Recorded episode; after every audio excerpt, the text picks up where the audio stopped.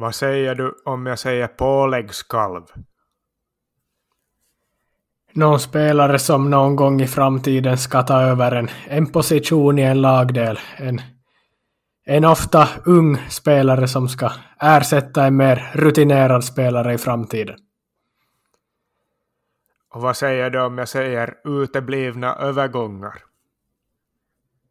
Jag tänker väl på en, en väldigt klassisk sån, här var då Peter Udenvinge skulle gå från West Bromwich till Queens Park Rangers, men han, han lämnade väl utanför Loftus Road i, i flera timmar och, och övergången blev aldrig av. Och vad säger du om jag säger Holger Badstuber?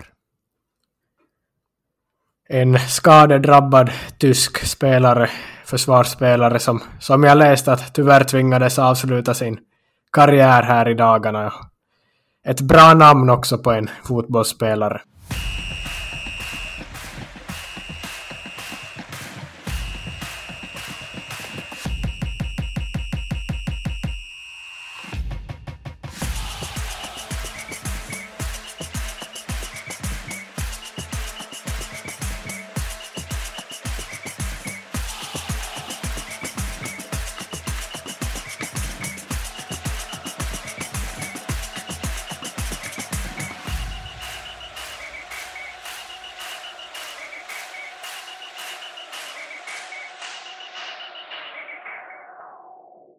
Välkomna till ett nytt avsnitt igen då.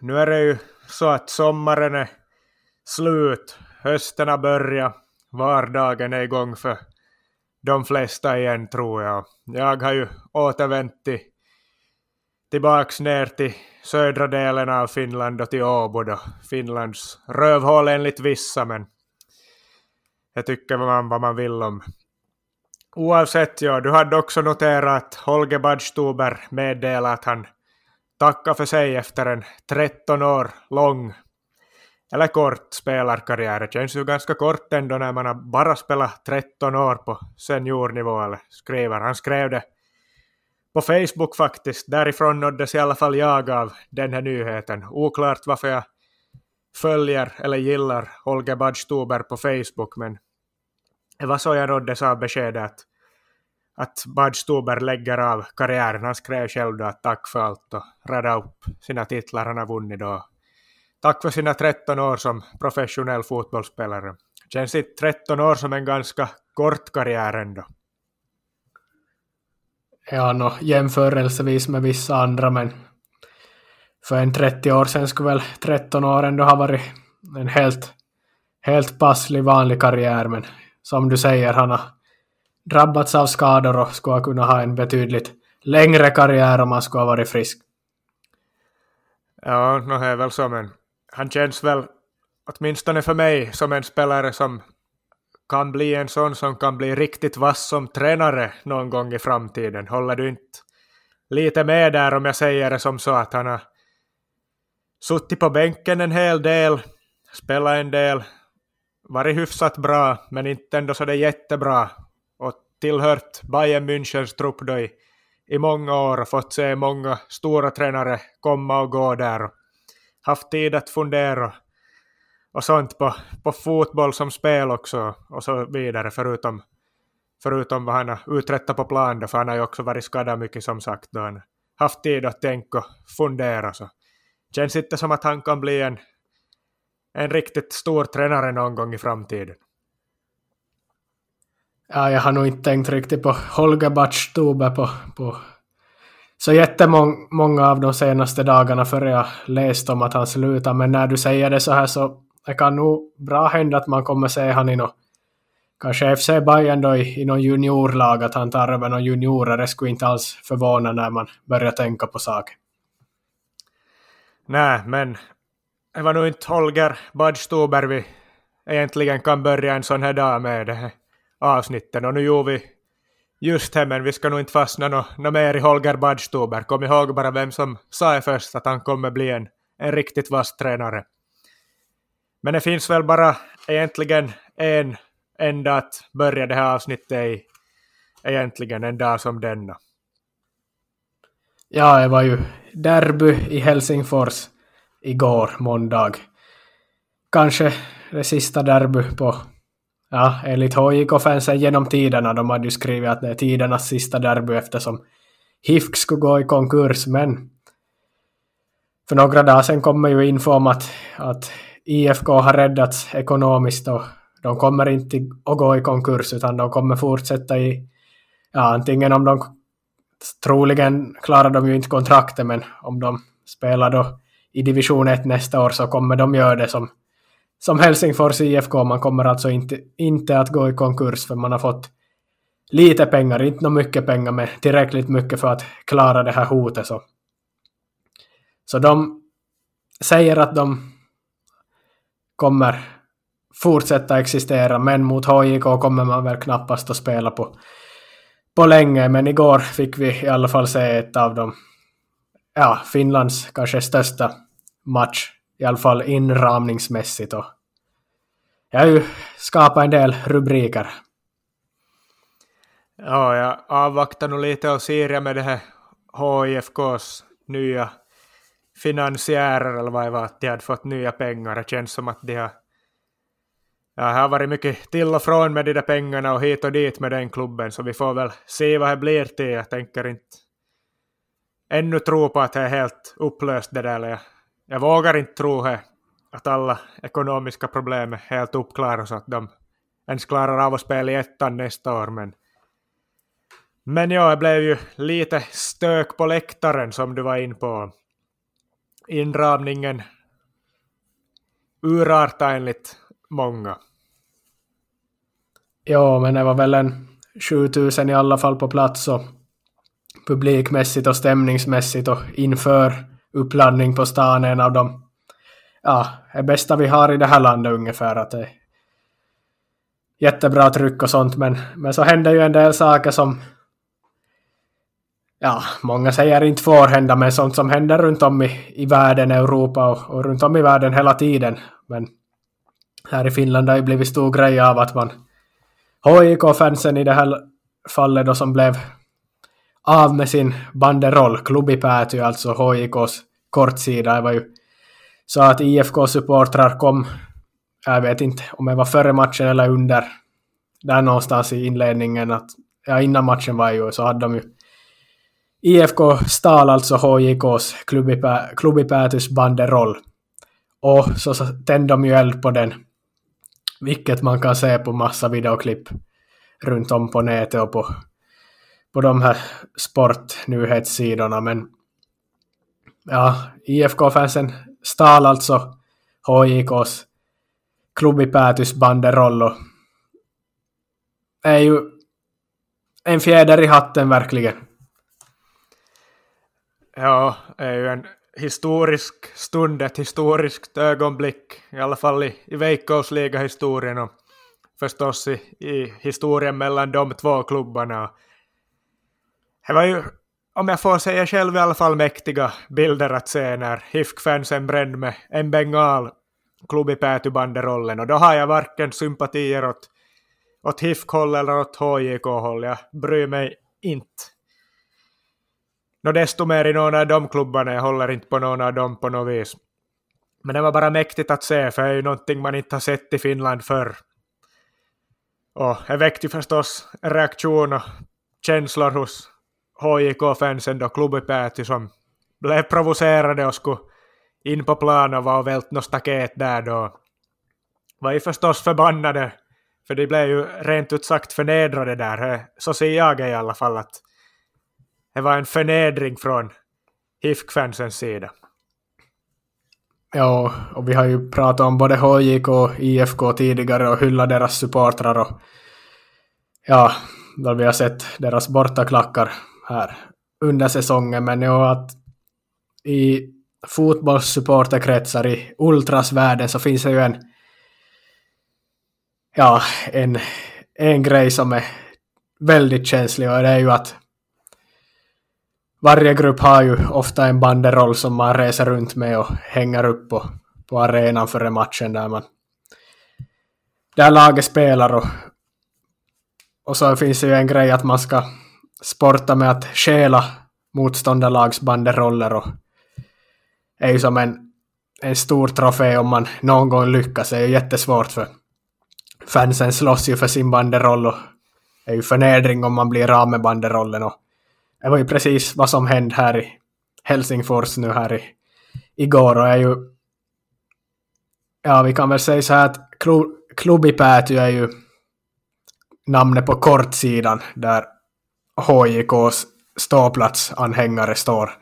Det är ju som Klubbipäty, de menar ju att det inte är någon speciell supportergrupp utan det är bara som en, en kortsida var alla står men de har ju ändå en banderoll där det står Klubbipäty som de reser runt med och sånt så IFK-fansen menar väl att att man har skällt Klubbipätys banderoll, alltså gruppens, men HJK nu menar väl att man ja, att det är bara som en, en banderoll som representerar hela kortsidan och inte någon särskild grupp, för det finns ju olika grupper inom HIK som, som för övrigt har stridit internt mot varandra och sånt, men i ultrasvärlden så är det ju en oskriven regel att man om man blir av med sin banderoll så måste man lägga ner sin grupp, sin, sin ultrasgrupp eller supportergrupp. Och det låtsas ju i alla fall IFK-fansen nu att HIK ska behöva göra, att Klubbi Pääty ska lägga ner, men ja, det är lite otydligt. Är Klubbi Pääty en grupp eller är Klubbi Pääty bara en, en kortsida? Det finns ju flera olika grupper där som står på kortsidan, men oavsett fast det inte är en grupp, fast det bara är en kortsida, så är det ändå en stor banderoll som IFK-fansen lyckades ta.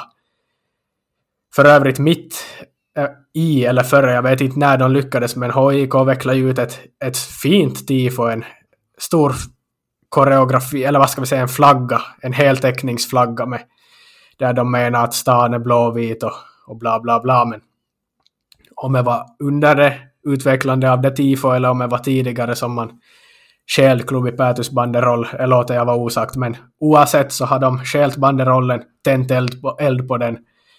Och ja, IFK förlorar ju matchen, men den här stölden supportermässigt så tror jag, eller jag vet att de kommer håna HIK för i, i all framtid, för stjäl man en banderoll så har man vunnit ett helt annat krig om vi säger så. Ja, som du var inne på så hör det ju till att man lägger ner sin supportergrupp om ens banderoll blir stulen. Och ja, då förstår man ju inte att vad, vad HIK menar de att det var hela kortsidans banderoll då i så fall måste de lägga ner hela kortsidan. Det är väl bättre att bara en liten gruppering skulle behöva lägga ner sin grupp då än att hela kortsidan ska behöva lägga ner sin. Men det är kanske inte förstås riktigt så de tänker inte, men det skulle ju vara något hela klubbi Pääty skulle behöva stängas ner nu för den här förnedrande förlusten. Ja, som sagt, klubbi Pääty är namnet på, på HIKs kortsida, men man går med banderoller med hundratals människor bakom den också, så är det som, ja, jag vet inte om vi räknar det som en grupp eller inte får Helsingfors borna avgöra själva.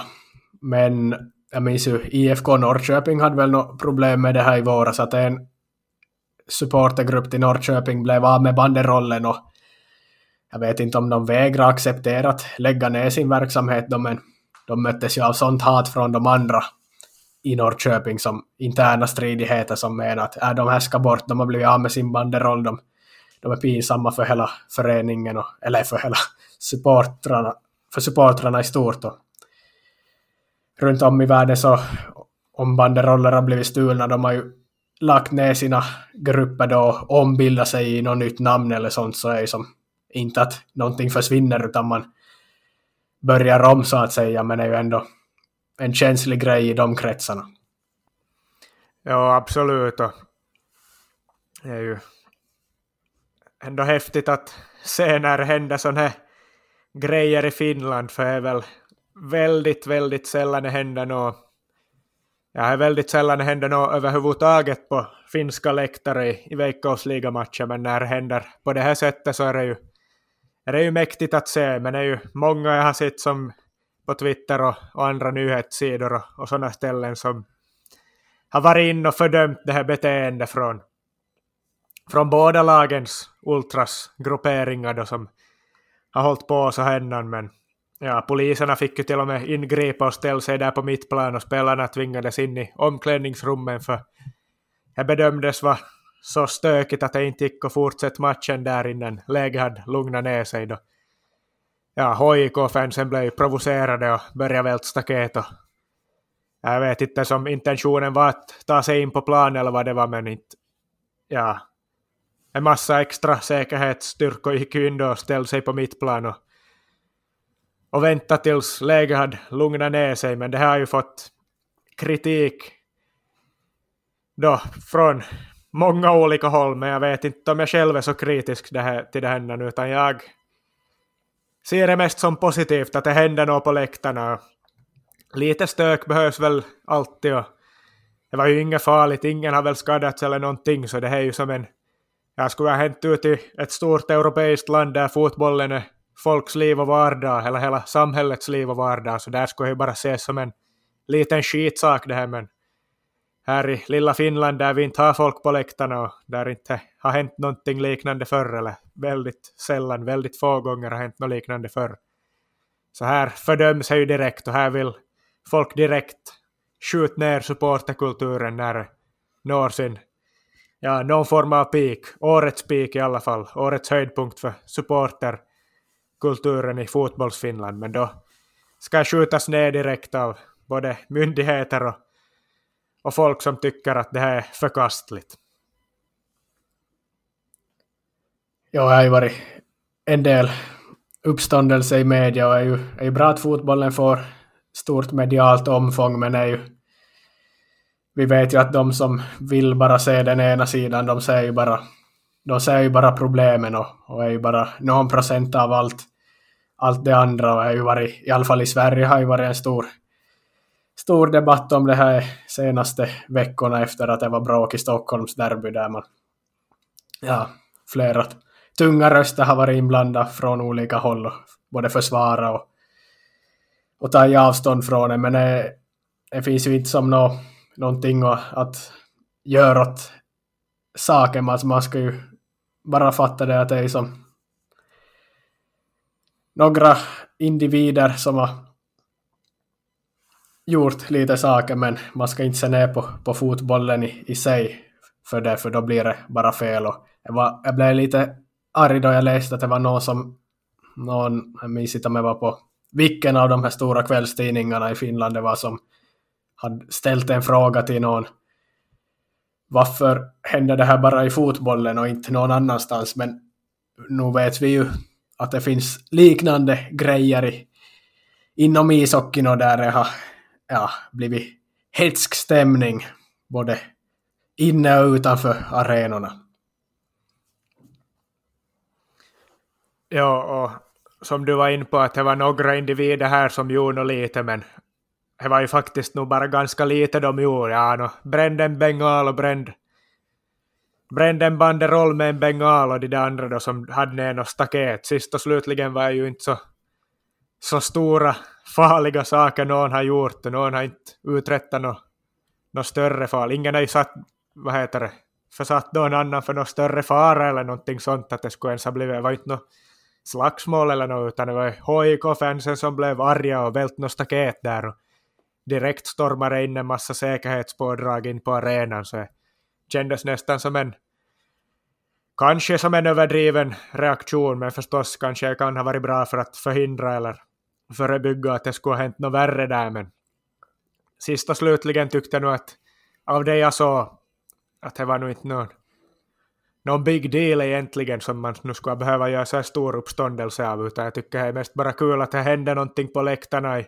i det här landet. Och, ja, kanske lite överdrivet och lite onödigt att det nu krävdes att det ska tas in en massa poliser och att matchen måste avbrytas, men i det stora hela ser man ju som positivt bara att det är action på läktarna och jag vill se mer. Absolut, och det blir ju intressant att se. Det var ju så att de hann ju inte bränna upp den här banderollen utan det var ju säkerhetsvakterna som var och konfiskerade den innan, innan den hann brinna helt. De fick ju nog eld på den först men den brann ju inte upp. Och det skulle vara intressant att veta var banderollen finns nu. Om HIK på något sätt kommer få tillbaka den eller ja, hur det blev. Och HIK har ju match mot Real Betis här nu på torsdag så vi får ju se om man får ha något no, publik.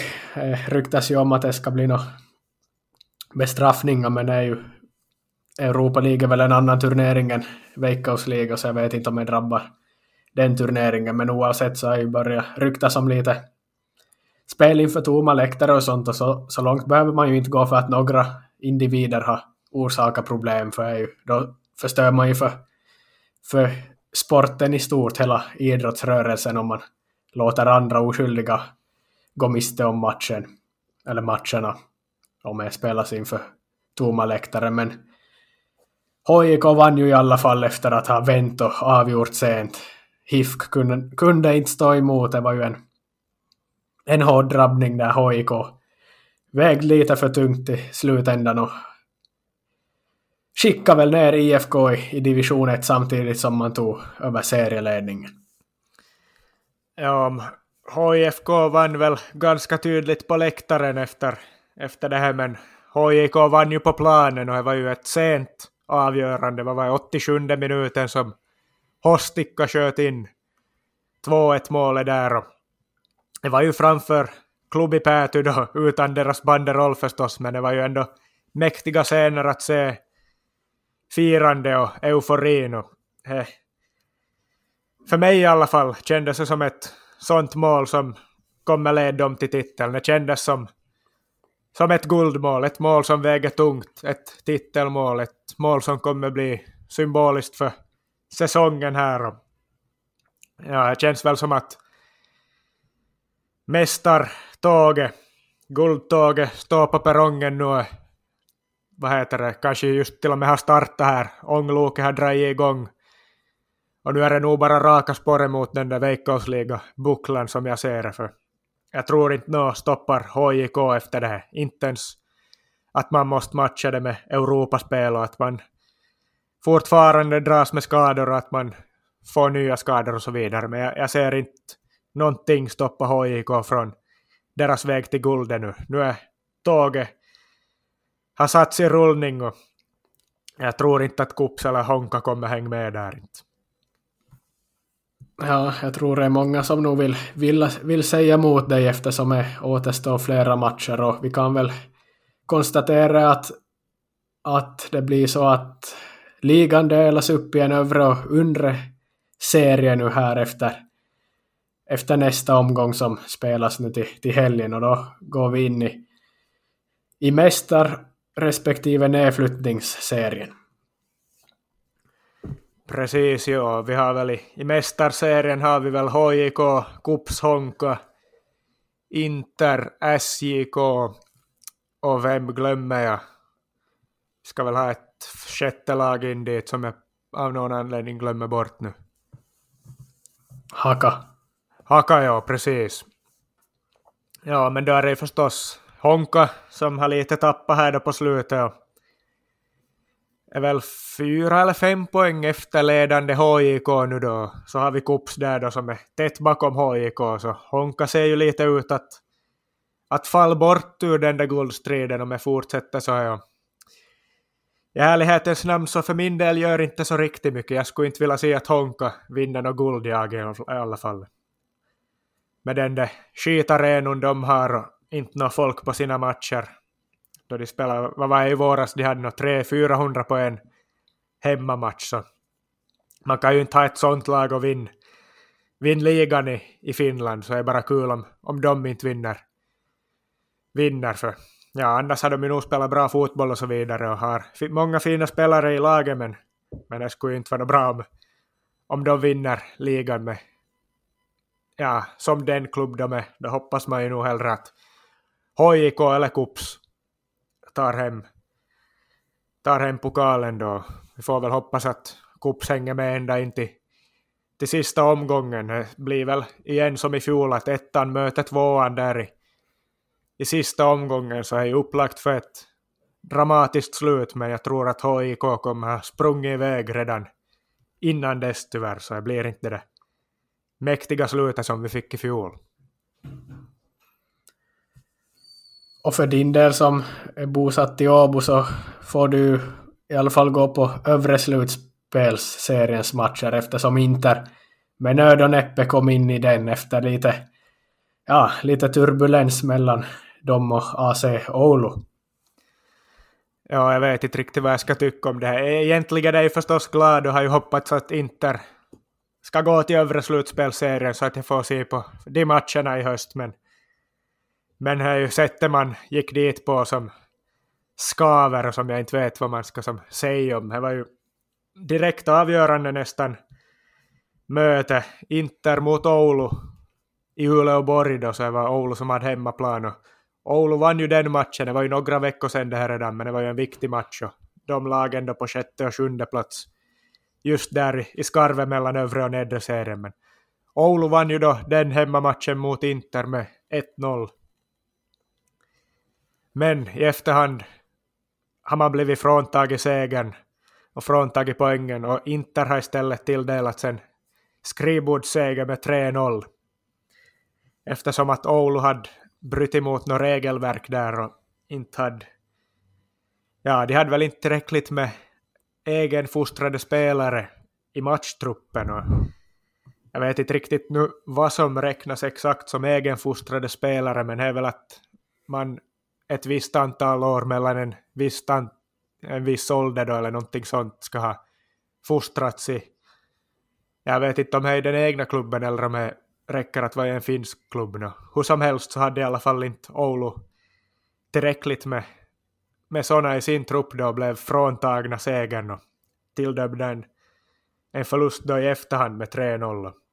Det blev ju direkt avgörande det här då för vem som skulle gå till övre och nedre slutspelsserien. Så Inter får spel i övre då och Oulu får nöja sig med nedre slutspelsserien. Jag vet inte, vad tycker du om det här? Jag tycker ju att det är förstås en jättemärklig situation och är ju jättetråkigt och konstigt att det ska behöva få så stor påverkan på, på sluttabellen också.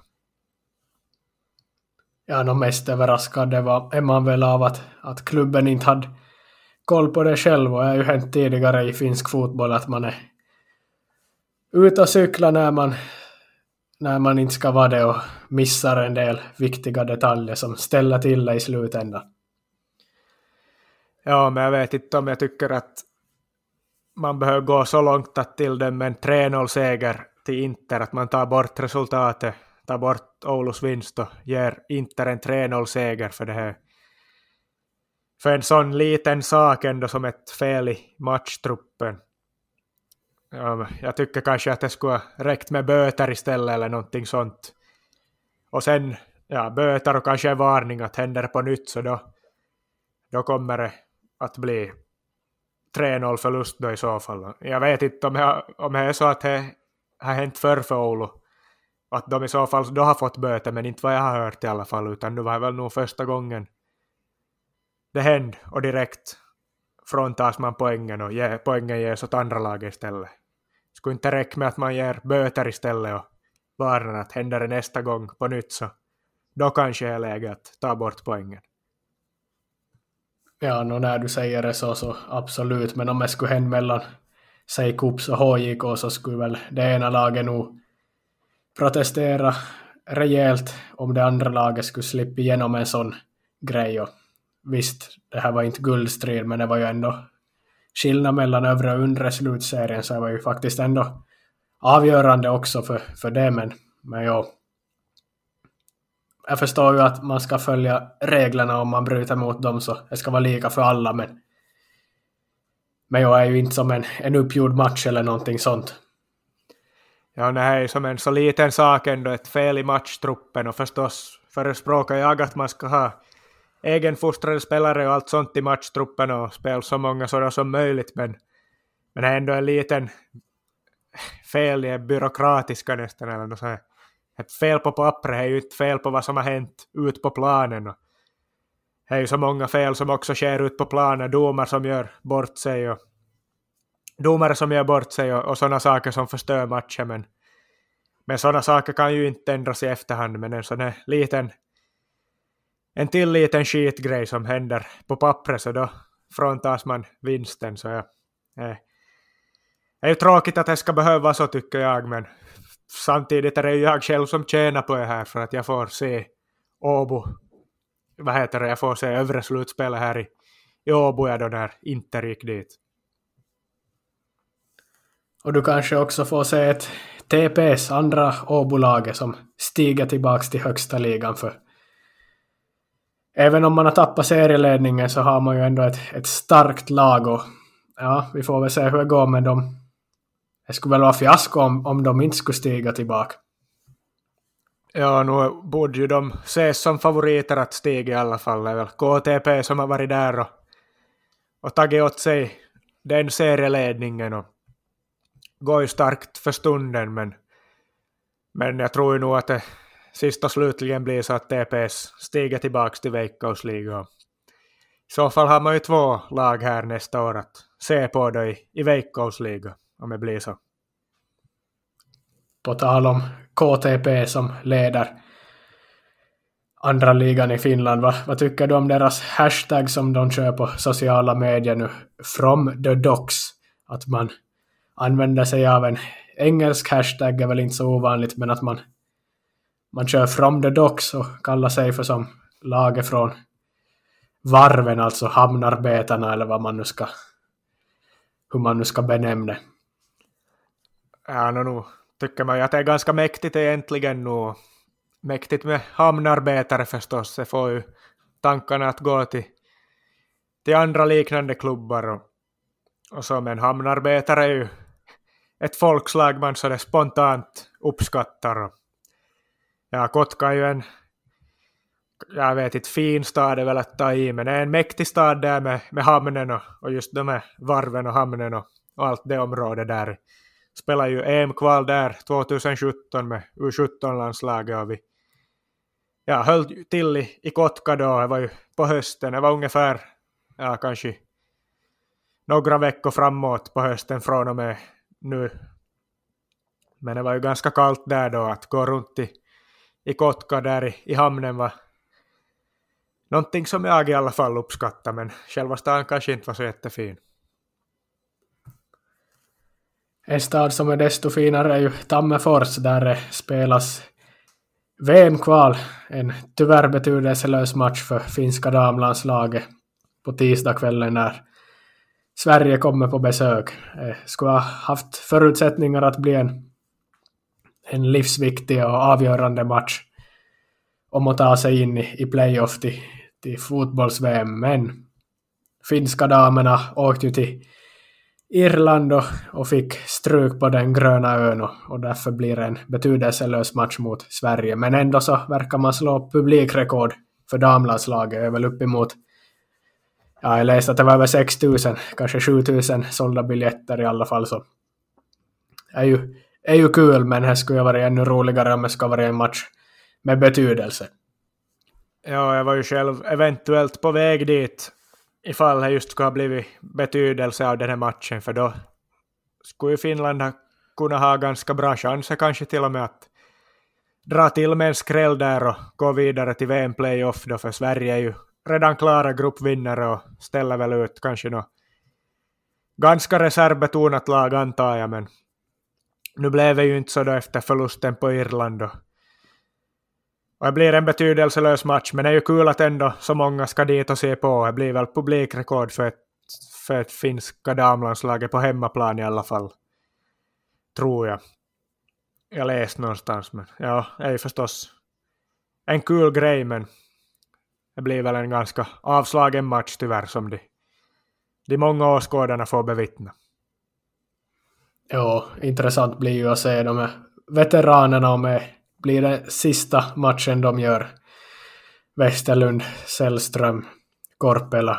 Ja, Hyrynen är väl inte med i truppen heller, men vi hoppas ju att de fortsätter. Det är ju många damfotbollsspelare som spelar långt upp i åldrarna, uppemot tills de är nästan 40 år har vi många av de här internationella stora namnen genom tiderna, så vi får väl hoppas att de finska spelarna också kommer ha ännu längre karriärer än vad de har för.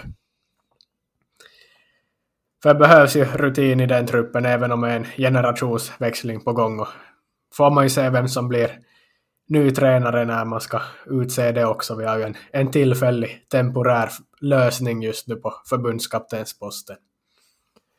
Ja, Saloranta har ju tagit över här nu och kör de här VM-kvalet till slut då, så får vi se om, om det blir någon ny då, eller om han kanske får förtroende och fortsätter. Vem vet, han har ju nog varit verksam i, inom flicklandslagen tidigare och gjort det bra där.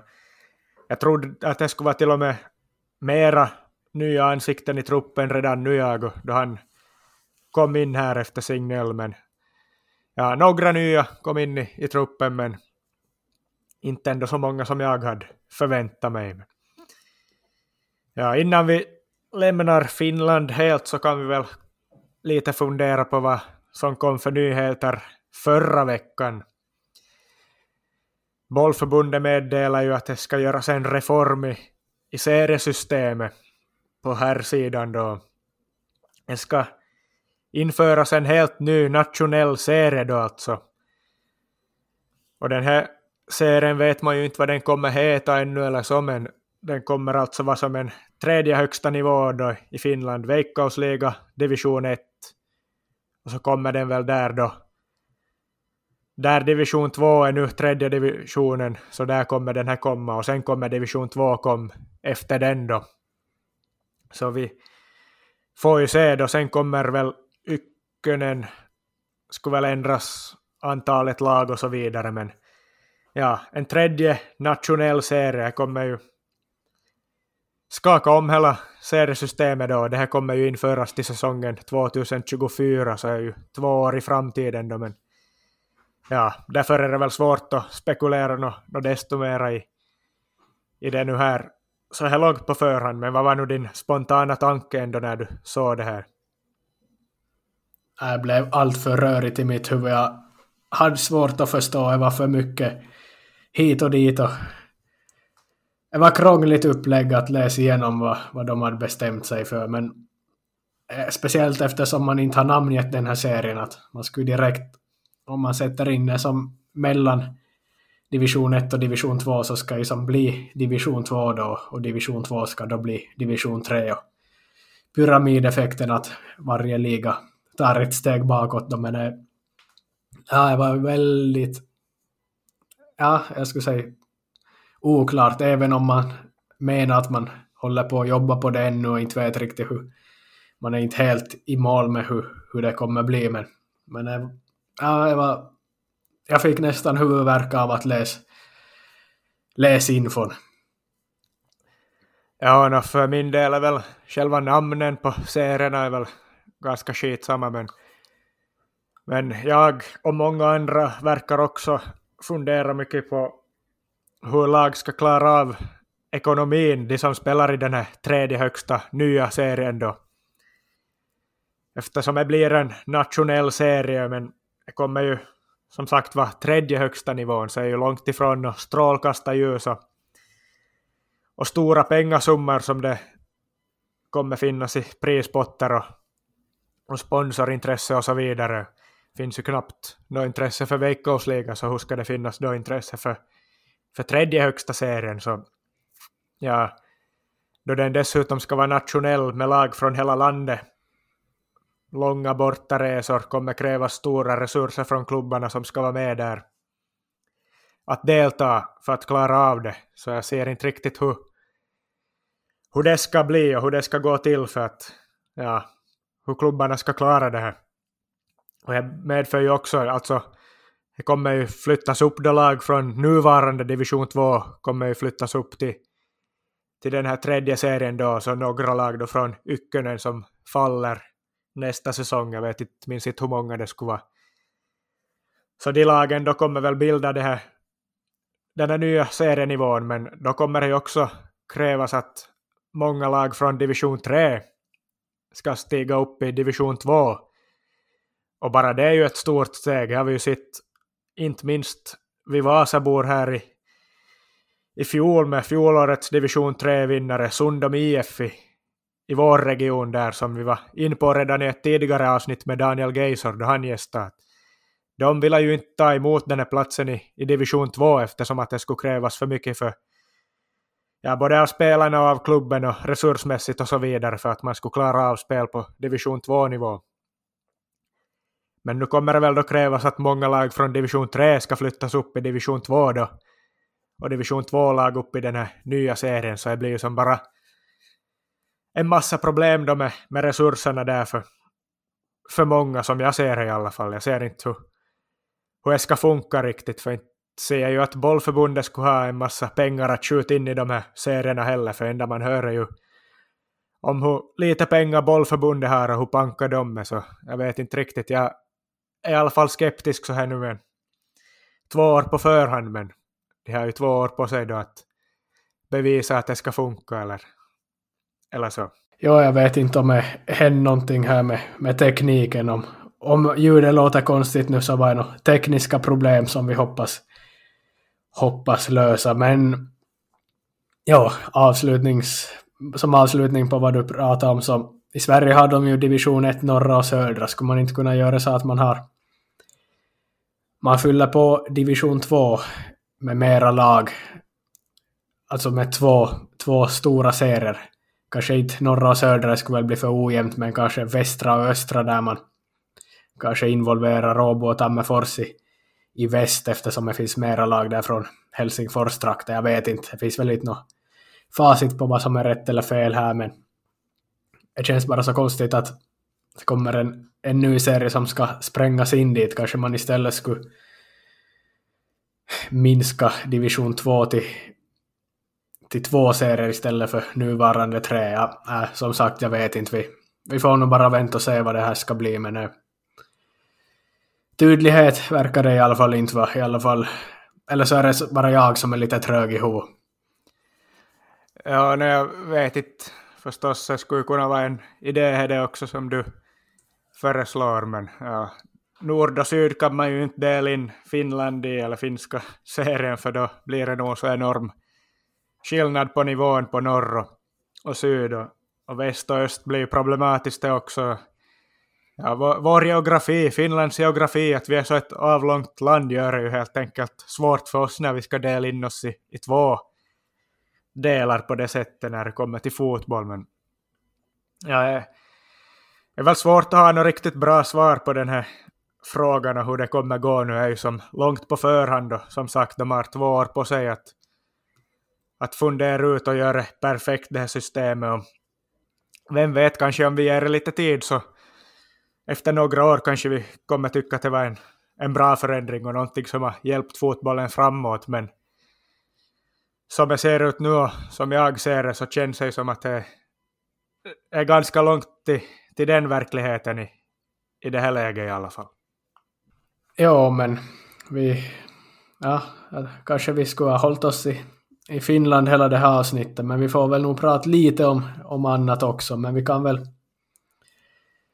På resan ut i, i världen kan vi väl i alla fall notera också att några finska spelare har gjort olika avtryck. Vi har ju Pukki som har gjort sitt första ligamål för säsongen och för några veckor sedan konstaterade vi ju att Norwich var, ja, var de typ sist i Championship, men nu är de, ja, de är väl kanske andra eller de har i alla fall varit uppe i tabelltopp igen nu.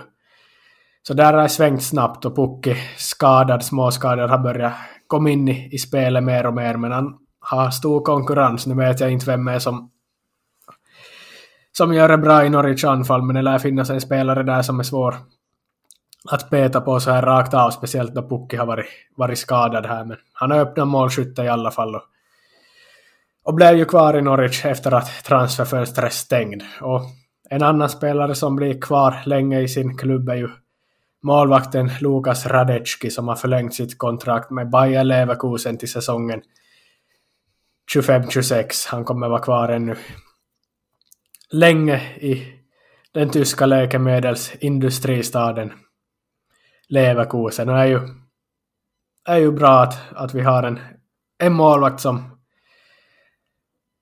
som framöver också kommer tillhör toppen i en av världens bästa ligor. Det är ju, är ju inte fy skam, jag bara funderar att är Tradecki vår bästa målvakt genom alla tider? Vi brukar ju sällan prata om bäst någonsin med aktiva spelare, men ja, jag är nästan beredd att gå så långt så att säga att Radecki är Finlands bästa målvakt någonsin. Han har trots allt ändå räddat rädda en straff i ett internationellt mästerskap och spela Champions League med, med sin klubb. Och även om Antiniemi var bra så... Så ja, jag vet inte. Vem, vem håller du som Finlands bästa målvakt någonsin?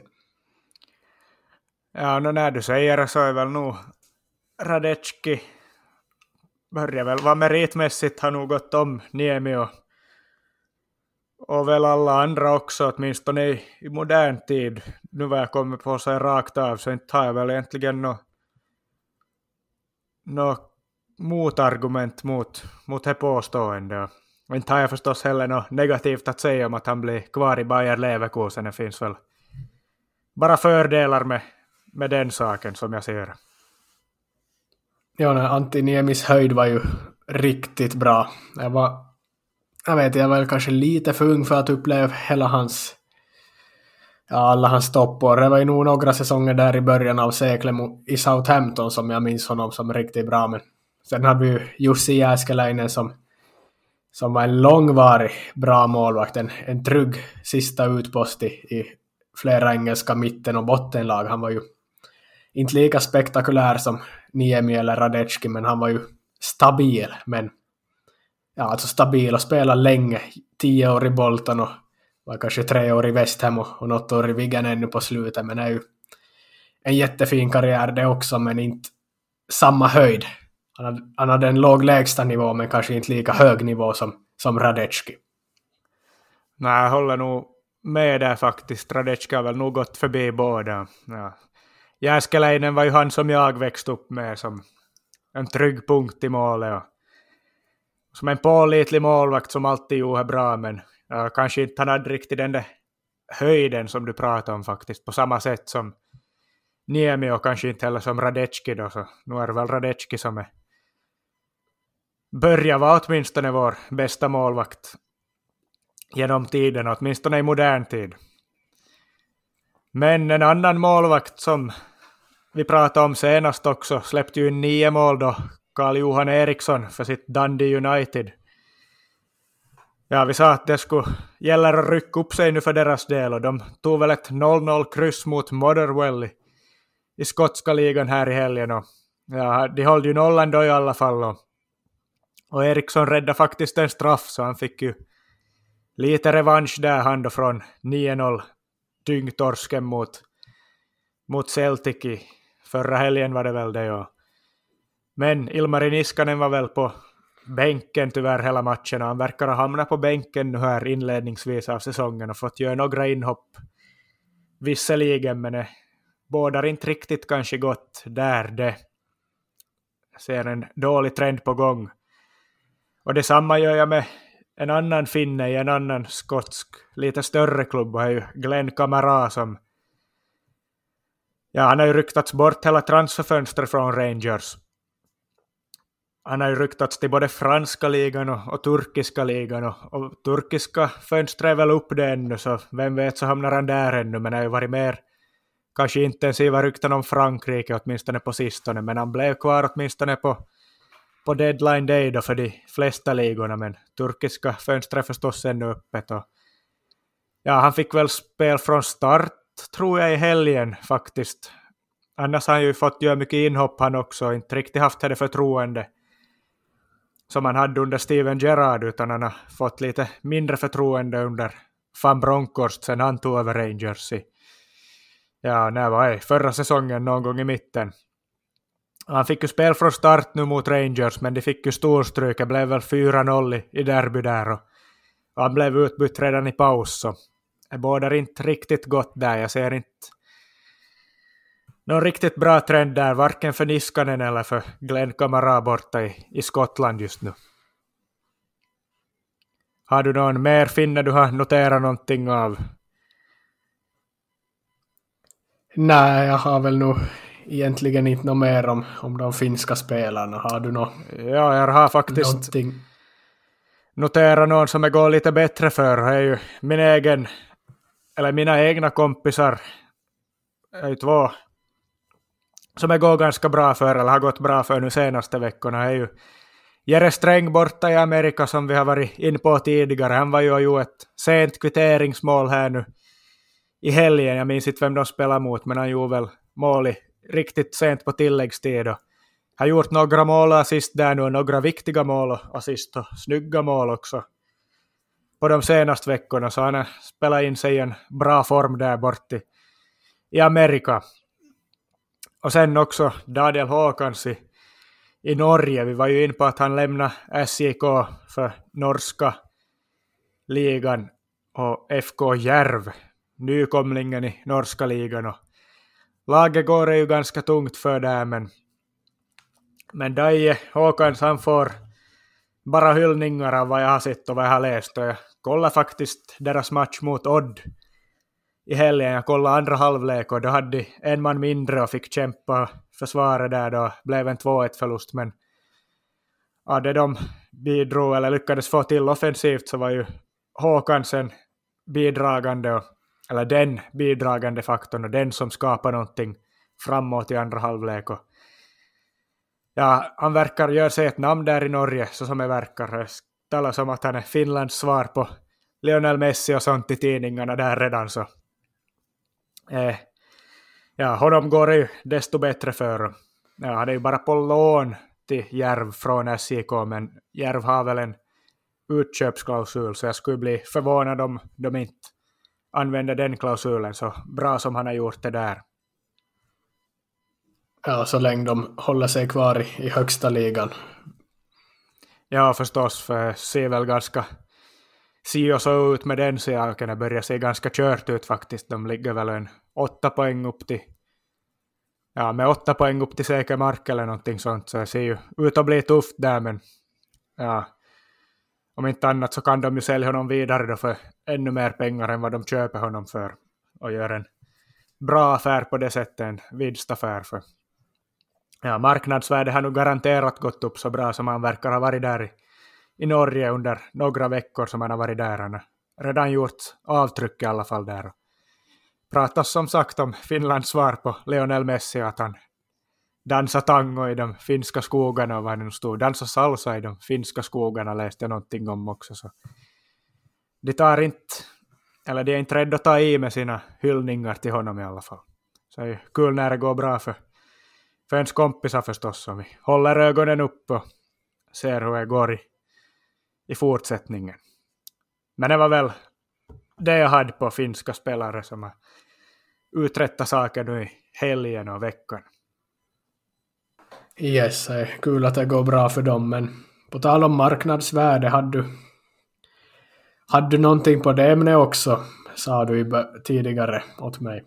Ja, faktiskt. Då.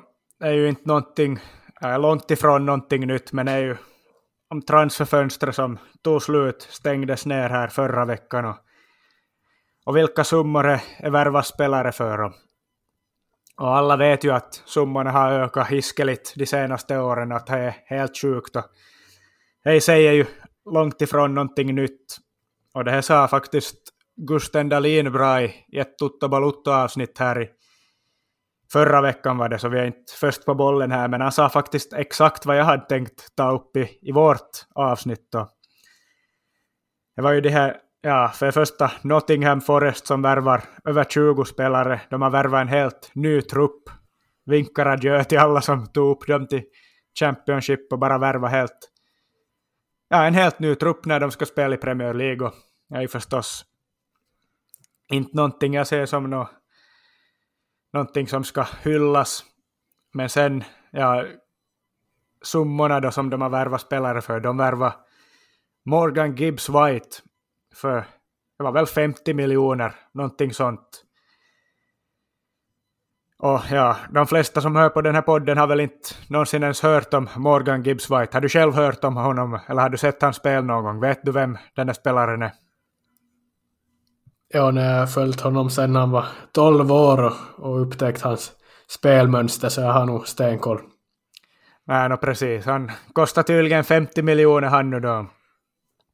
Och det ryktades ju om andra sjuka värvningar också till Premier League-klubbar för, för stora summor och det var ju kanske främst Anthony Gordon, Everton-spelaren som har gjort några bra matcher, kanske en halv bra säsong i fjol. Fyra mål tror han gjorde förra säsongen och han skulle mitt i allt värvas för 60 miljoner till Chelsea. Blev ju inte av den värvningen. Och en annan värvning som de också var in på i Toto Balutto som inte blev av sist och slutligen var ju Josko Gvardiol. Kroatiska försvarsspelaren som håller till i Red Bull Leipzig som ryktades om 90 miljoner för till Chelsea. Att han skulle värvas för 90 miljoner för.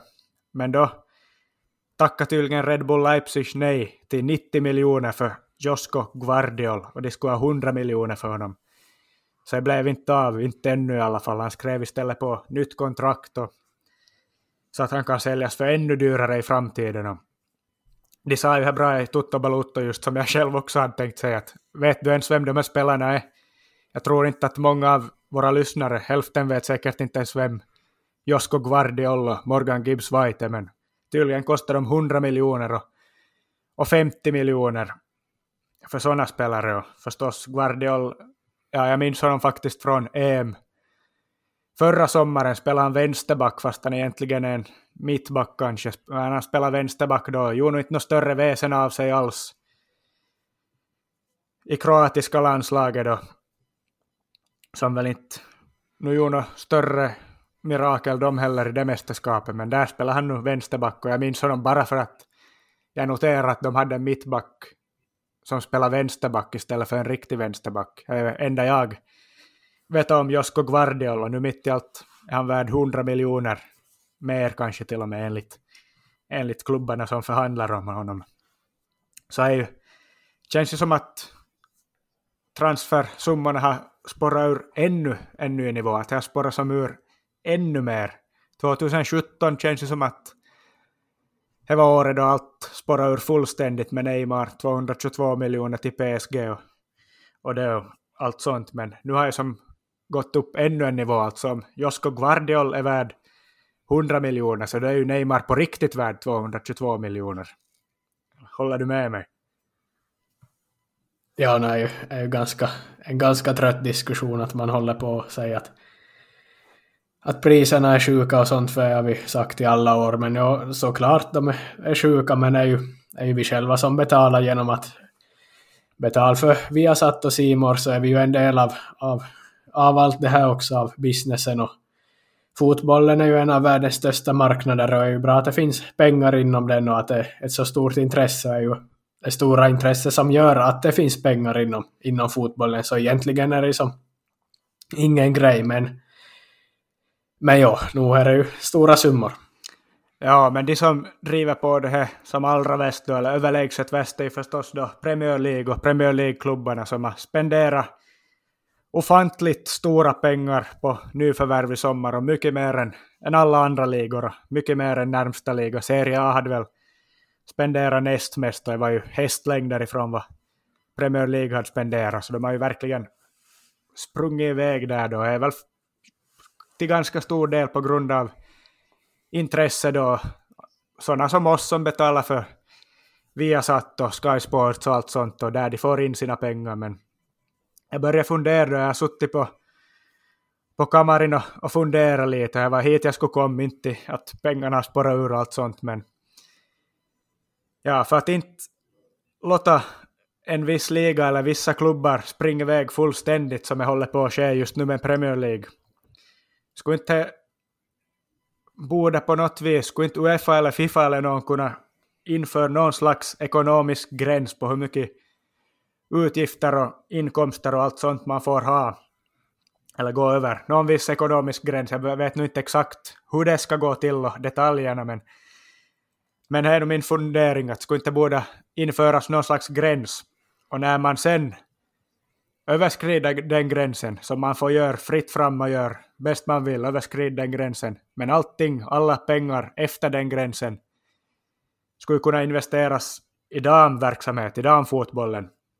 För det är väl ändå någonting som ligger i Uefas och Fifas intresse, enligt dem själva i alla fall, att förbättra damfotbollen och det ligger ju i mångas intresse, så det skulle inte kunna vara någonting som skulle vara en win-win situation för hela fotbollen, att Vissa klubbar springer inte iväg på här sidan, Premier League springer inte iväg helt orimligt mycket från de andra ligorna och dessutom får damlagen, damverksamheten, damfotbollen mera pengar att jobba med.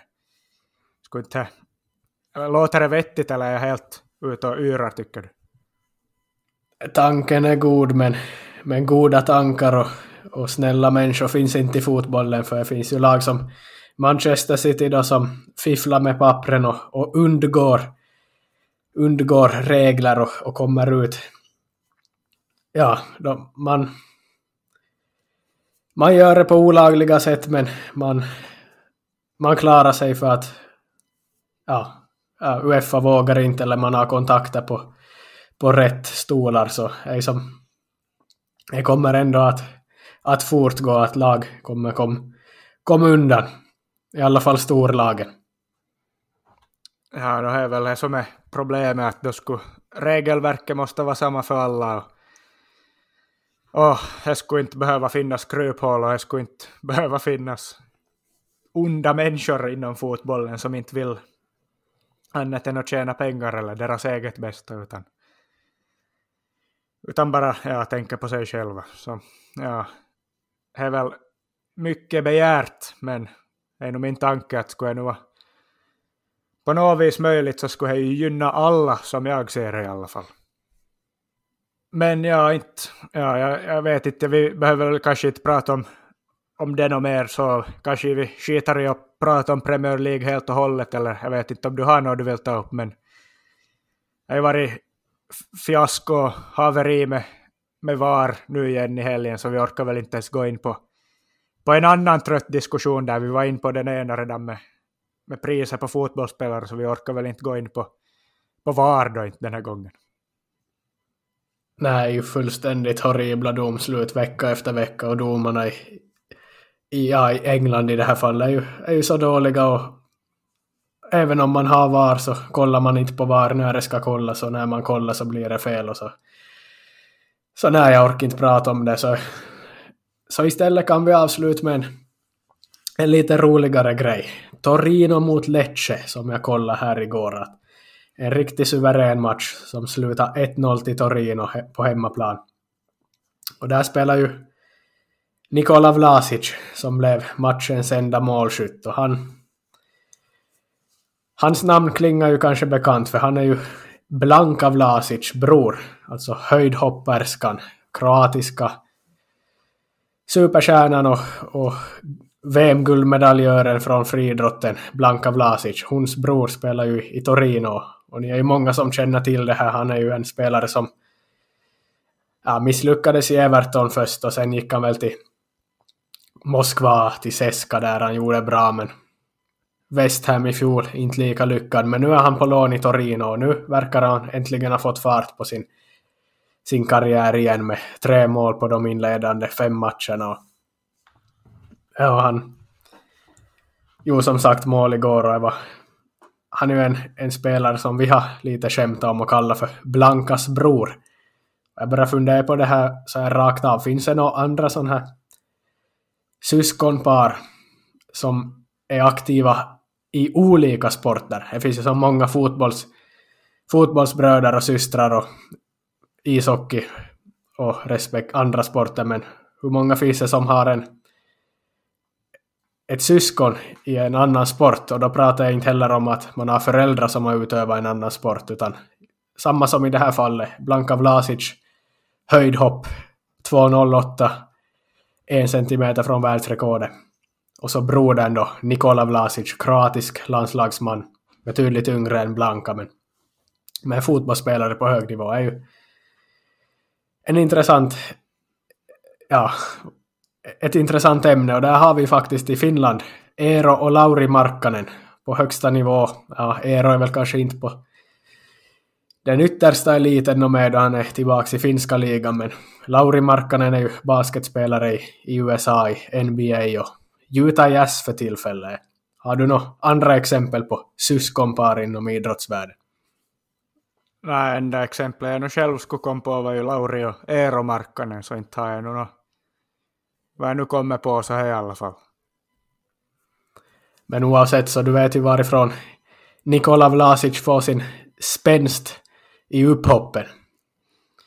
Ja, no, inte har nu sett någon speciell spänst faktiskt. Man blir ju lite besviken varje gång man ser honom spela och inte får se honom hoppa jättehögt. Men ja, om han någon gång hoppar jättehögt och nickar in och mål på, på oväntat höga höjder så då vet man varifrån det kommer. Yes, så. Jag har ju ett exempel till på ja, en fotbollsspelare som har en, i det här fallet en syster i en annan sport. Det är ju Stefano Okaka. Italienaren som slog igenom i, han är väl nog från föräldrarna från något afrikanskt land, jag vet inte om det är Ghana. Ja, jag ska inte säga varifrån de är, kanske Nigeria, men italiensk U-landslagsman har jag för mig en gång i tiden i, i Roma där han slog igenom, men han var ju varit på lån i, i halva Italien känns det som. Och även i Watford i England och nu just i, i Başakşehir i Turkiet. Hans syster Stefania Okaga, hon är ju också en före detta landslagsman, i, en landslagsspelare i, i italienska landslaget och har varit en av de, ja, en bra spelare i italiensk damvolleyboll, så där har vi också ett syskonpar där en är fotbollsspelare men en annan i en annan sport. Men om det är någon av er lyssnare som kommer på några mera exempel på, på sådana här syskonpar i olika sporter där den ena är inom fotbollen, så då får ni gärna höra av er. Ja, gör det och gå ut och ta kontakt med oss på, på Instagram till exempel, eller med oss bara personligen på något vis, om man nu hittar oss. Inte är det så svårt, vi är inte no. så viktiga personer att vi är svåra att nå. Men ja, vi hade ju ett Milano-derby i helgen också. Såg du på det? Jag såg i alla fall. Och jag tycker synd om alla som inte såg det, om jag säger så. För det var nog ett sjujävla derby är det herre. Min tid som är brann och small och allting. Alltså jag måste ju ha varit maxpuls på precis varenda, varenda kotte inne på San Siro. Händelserikt och kvalitet och intensivt. Såg du också på matchen eller är du en av dem jag tycker synd om som missade? Nej, jag såg nog på, på den matchen såklart. Det var en ja, ett sprakande derby, en riktigt kul match att kolla. Säkert som ja, för lagen inblandade är ju alltid nervös, men för oss neutrala så var det ju en, en underhållande match och en bra tryck och fina mål och mycket händelserikt. Ja, Milan vann alltså 3-2 för de som har missat det. Det var en match som svängde och böljde fram och tillbaka, så båda lagen hade bra perioder i matchen och massor med kvalitet som visades upp på plan, inte minst då från Rafaleao som gjorde två världsklassmål och, och en assist dessutom till Giroud som fick göra ett mål där. Rafaleao, när han är på den där nivån som han ibland är, så då är han ju nog är han topp fem anfallare i världen, topp fem offensiva spelare, alltså är ju Mbappé-nivå det där när han är så det bra. Ja, jag vet inte hur vi rankar han på det sättet, men vi kan väl i alla fall säga att han är värd över 100 miljoner. Definitivt, ja. Guardiola och Morgan Gibbs White är värd, det vi sa att de var värd, så börjar nog Rafalea vara upp mot 170-200 han snart också. Men en annan som jag var imponerad av, eller blev imponerad av igen, är ju min gamla goda favorit Sandro Tonali som visade upp stort spel där på, på plan återigen en gång. Ja, han är som du var in på då du tippade Milan högt, att Tonali säger emot att de hamnar lågt i, lägre ner i tabellen än vad du först hade tänkt, så jag förstår nog vad du, vad du tänker faktiskt. Man tänker ju att inte en enskild spelare kanske är så viktig att han på det sättet bidrar till tabellplacering, men spelar han så här bra som han gjorde nu i, i derby och, och förstås förra säsongen och så bra som han var då, så då kan han nog vara skillnaden för Milan i, i många matcher tillsammans då med Leao och förstås målvakten Manjan som gjorde många jättebra räddningar men känslan för mig är nu först att Milan är faktiskt på riktigt bra.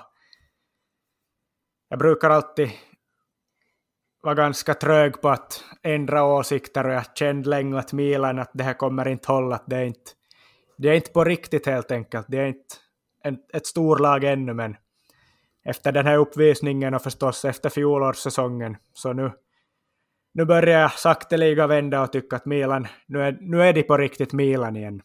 Och Inter förstås har ju varit Inter i några säsonger de nu igen efter deras haveri, men att Milan nu besegrar inte på det här sättet och tog scudetton från dem i fjol, så nu, nu är känslan för mig också att Milan är verkligen på riktigt igen. Man är, man är grande Milan igen, men italienska ligan överlag är det ju roligt att det är så pass jämnt och så många lag med. Och Atalanta som nu faktiskt leder med två poäng efter fem matcher.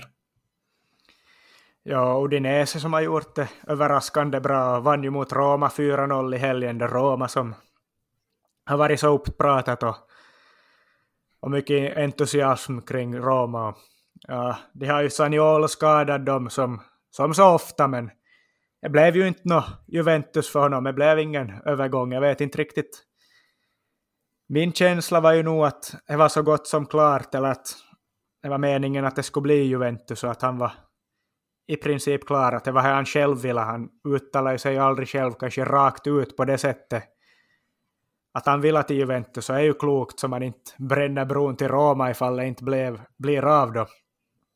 Som det sist och slutligen inte blev. Jag vet inte varför om det var ekonomiska skäl eller vad, vad jag föll på. Men Juventus har ju fått fram istället en, en annan ung mittfältare med kanske offensiva kvaliteter som sina främsta egenskaper. Och det är ju Fabio Miretti som har fått spel ganska mycket här under inledningen av säsongen, Serie A-säsongen. Och han har väl spelat i alla fem matcher, vissa från start, vissa från... Han hoppade in från bänken och jag, jag har pratat, eller börjat prata om honom förstås redan sen dess. Så, ja, jag har faktiskt inte hunnit se själv hur det har gått för honom, annat än vad jag har hört att det har gått bra för honom. Juventus är ett av få lag jag inte hunnit se ännu i Serie A i år, men Miretti har jag ju sett. Inte i år, men förra säsongen då jag såg en Uefa Youth League-match då Juventus spelade mot Liverpool och slog väl ut Liverpool med 2-0. Och där spelade ju Fabio Miretti då, och jo, både mål och assist och var matchens ganska överlägset bästa spelare. Youth League är ju då alltså som Champions League för juniorlag då alltså, ungefär U19 är det väl kanske eller någonting sånt. Jag vet inte riktigt exakta åldern men då redan imponerades jag av Miretti i den matchen i vintras någon gång. Så jag kan intyga om att den här Fabio Miretti-killen, han, han kan gå riktigt långt och han kan bli riktigt bra. Ja, nej, vi, får, vi får se om han blir lika, lika bra eller vem av dem som blir bättre av han och Arda Guler som vi pratade om i, i förra veckans avsnitt har jag för mig. Två supertalanger, en i Juventus och en i Fenerbahce. Ja, när vi får väl göra så. Jag är väl egentligen färdiga där för, för dagens avsnitt. Jag har i alla fall inte något mer att, att prata om. Champions League drar igång ikväll. Jag ska själv iväg till den förträffliga lilla sportsbaren här i Åbo, Pikku Torre och kolla på Juventus match mot PSG faktiskt, troligtvis med, med några kompisar här så. Ja, nu på tal om Champions League, vem tror du att vinner Champions League i år om du får säga säga nu? Förstås svårt att säga på förhand, men vem säger du redan nu att du tror att vinner? Äh, jag äh, måste väl säga Real Madrid då, för jag är väl ingen som kan besegra dem och de verkar ju vinna vin var, varannat eller varje år nu för tiden så är väl ja, inget säger, att säga emot dem. Ja, nej, jag för, förstår ju i och för sig. Nej, men jag, jag ser ju inte hur, hur Manchester City ska misslyckas i år igen. Så jag tror tyvärr att de kommer vinna Champions League. Och, ja hatar ju att det är så att det är på det viset, men jag ser inte hur de ska kunna misslyckas. Men det är ju, som jag ser så är det deras titel att förlora. Yes, återstår att se hur det går i Champions League som drar igång nu. Men vi får väl vara nöjd för den här veckan och, och säga på återhörande. Tack för att ni har lyssnat.